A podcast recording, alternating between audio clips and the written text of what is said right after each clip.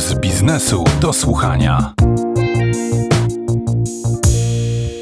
Podcasty zyskują na popularności, audiobooki słuchają się dobrze, ale umówmy się. Jeśli chodzi o tak zwane treści audio, od wielu, wielu lat król jest tylko jeden i jest to radio. Radio miało już być zabite przez kino, przez telewizję, przez internet, a mimo ponad 100 lat na karku trzyma się świetnie i jest w dobrej kondycji. O tym, jaka ta kondycja jest obecnie i czy podcasty mogą w niej coś zmienić, porozmawiałem z Mariuszem Gołdą, który jest dyrektorem marketingu największej na polskim rynku grupy RMF, a jednocześnie członkiem Komitetu Badań Radiowych, który od lat weryfikuje to, jak Polacy słuchają radia.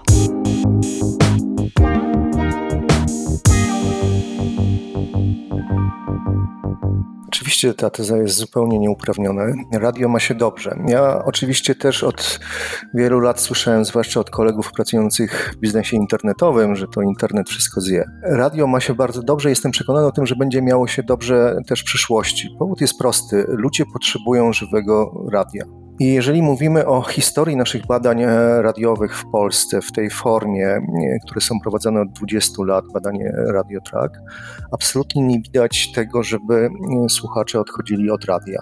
Zasięg dzienny, jeden z takich najczęściej używanych wskaźników, na przestrzeni tych 20 lat oscyluje powyżej 70% nieznacznie się wahając, natomiast nie można mówić o żadnym trendzie spadkowym. Wyjątkiem jest poprzedni rok 2020. Tutaj faktycznie radio zanotowało spadki, ale były one spowodowane wyłącznie tym, co się wydarzyło na świecie. Te spadki dotyczyły najbardziej okresu lockdownu, takiego lockdownu całkowitego, to był kwiecień i wtedy radio traciło. Czyli rozumiem, że kierowcy nie słuchali radia, czy nie było punktów usługowych, w których można było tego radia posłuchać?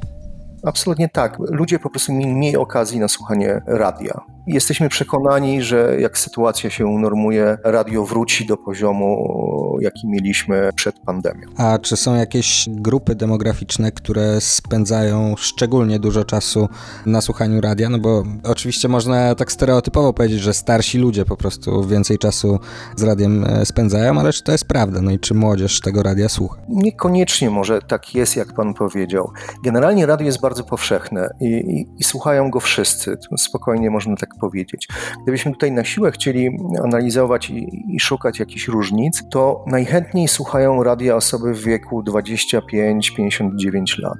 Jednym z czynników, który wpływa na to, jest to, że w Polsce radio jest bardzo powszechnie słuchane w pracy, a te osoby są jakby najbardziej aktywne zawodowo.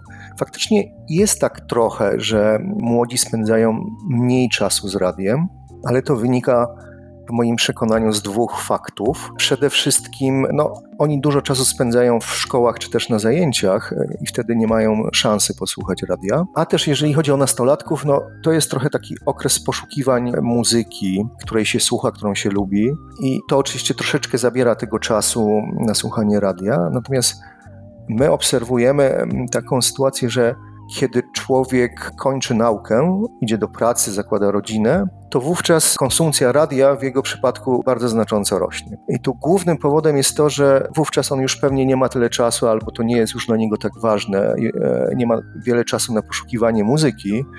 I wtedy to, że radio zapewnia mu tą muzykę dobrze dobraną, według jego gustów, pasującą mu, jest bardzo dużą przewagą. A jak w praktyce mierzy się w Polsce słuchalność radia? No bo to nie jest chyba taki prosty technologicznie proces. Nie, oczywiście to jest bardzo skomplikowany proces. Jakby dzisiaj obowiązującym badaniem, obowiązującą walutą rozliczeń z reklamodawcami jest badanie Radiotrack realizowane przez Kantar Polska na zlecenie Komitetu Badań Radiowych właśnie. I tutaj wykorzystywana jest metoda Day After Recall czyli pytamy wyłącznie o dzień e, poprzedzający badanie. Teraz w naszym przypadku w Polsce realizowane jest e, ono przez telefony. Nie używamy żadnych baz telefonów. Upraszczając, telefony są losowane, e, losujemy cyfry, na które składa się, ciąg tych cyfr składa się na potencjalny numer telefonu, po to, żebyśmy mieli szansę dotrzeć do każdego człowieka. Oczywiście to są skomplikowane zabiegi statystyczne, żeby takie próby ustalać, pilnować, kontrolować, żeby one były reprezentatywne reprezentatywne. Jeżeli chodzi o sam przebieg tego wywiadu, to trwa on niecałe 15 minut. W pierwszej kolejności jest kilka pytań dotyczących znajomości. I tutaj my odczytujemy w przypadku znajomości wspomaganej, takiego wskaźnika, odczytujemy pełną listę stacji, które można słuchać w danej miejscowości. Czyli przypominamy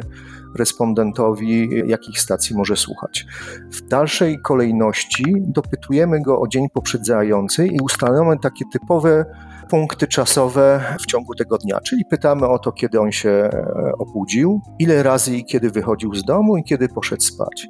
I dopiero pomiędzy te takie e, odcinki czasu My dopytujemy o to, jakich stacji słuchał i w jakich godzinach. Czyli wygląda to mniej więcej tak, czy od momentu, kiedy się pan obudził o godzinie 7 do momentu, kiedy wyszedł pan o godzinie 8, słuchał pan radia. Jeśli respondent potwierdzi, to wtedy dopytujemy, jakich stacji i dokładnie w jakich godzinach w ramach tego pasma. To ma nas za zadanie, że tak powiem, pobudzić trochę jego pamięć i na podstawie testów w wielu krajach wykazało to, że tutaj ta precyzja tego pomiaru jest y, bardzo wysoka i pozwala w dniu wczorajszym określić, jakie stacje i kiedy były słuchane. Oczywiście ten czas słuchania później jest zliczany, sumowany i to jest ten wskaźnik, którym my się posługujemy. I to jest ten wskaźnik najbardziej istotny dla reklamodawców, kiedy e, rozdysponowują swoje mm, budżety między stacje radiowe. Tak, to prawda, ale oprócz tego oczywiście bardzo ważny jest też e, tak zwany zasięg dzienny, czyli ile osób e, słuchało w danym dniu radia, ponieważ on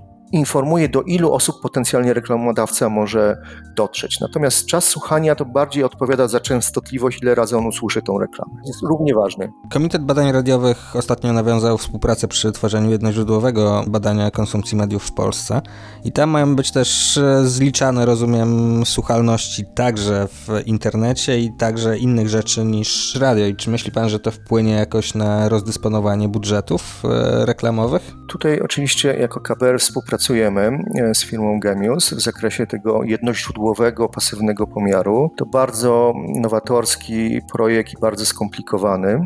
I tutaj to radio jest mierzone w inny sposób, ale to już może zostawimy na inną okazję, bo chwilę trzeba było poświęcić na to. I oczywiście to jest tak, że te badania będą wspomagały reklamodawców w planowaniu kampanii takich multimedialnych. Na dzień dzisiejszy mówimy o radiu, telewizji i internecie, prawda? Tu mamy wiedzę od jednego respondenta na temat tych trzech mediów i oczywiście to jest użyteczne. Wiemy, ilu słuchaczy radia X oglądało telewizję Y w danym dniu na przykład. Na koniec wykorzystam to, że jest pan przedstawicielem nie tylko Komitetu Badań Radiowych, ale też grupy RMF. Ja rok temu rozmawiałem z prezesem RMF Kazimierzem Grudkiem i tak pytałem go, no mówiłem, że nagrywam podcast i pytałem go, co on sądzi o tym formacie, no i prezes odpowiedział dość żartobliwie, że kiedyś wszyscy dziennikarze mieli blogi, a teraz wszyscy nagrywają podcasty.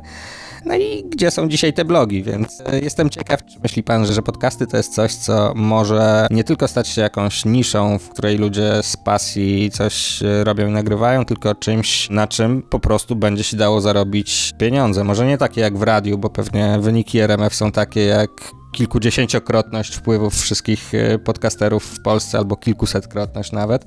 No ale czy uważa pan, że może to w krótkim czasie stać się biznesem, a nie tylko pasją? Prezes Grudek cechuje się bardzo wysoką roztropnością od zawsze. Myślę, że to bardzo pomaga w biznesie. Oczywiście my dzisiaj wiemy, że te podcasty są modne, choć tu oczywiście też jest e, znak zapytania, na ile one są bardzo modne w mediach branżowych, takich marketingowych, a na ile wśród zwykłych ludzi. Wierzę, że to jesteśmy na fali wznoszącej i ten rynek będzie rósł, ale oczywiście nie wiadomo, czy te podcasty zostaną z nami na zawsze i w jakim procencie w stosunku do tego, co jest dzisiaj, do tego, co będzie w niedługim czasie prawdopodobnie. Choć wierzę, że, że ta forma jest dużo bardziej atrakcyjna niż blogi internetowe i, i ma szansę faktycznie zagościć z nami, że tak powiem w cudzysłowie, na zawsze. Dowodem tego jest to, że my jako grupa RMF bardzo intensywnie inwestujemy w podcasty na naszym serwisie RMFON. Mamy 58 własnych produkcji plus produkcje zewnętrznych podcasterów. Cały czas e, powstają nowe i oczywiście też próbujemy na tym zarabiać. No, dzisiaj mamy już 700 tysięcy użytkowników miesięcznie i 6 milionów odtworzeń. Mówimy miesięcznie, prawda? Nie mówimy o jakichś seriach w jakimś długim okresie.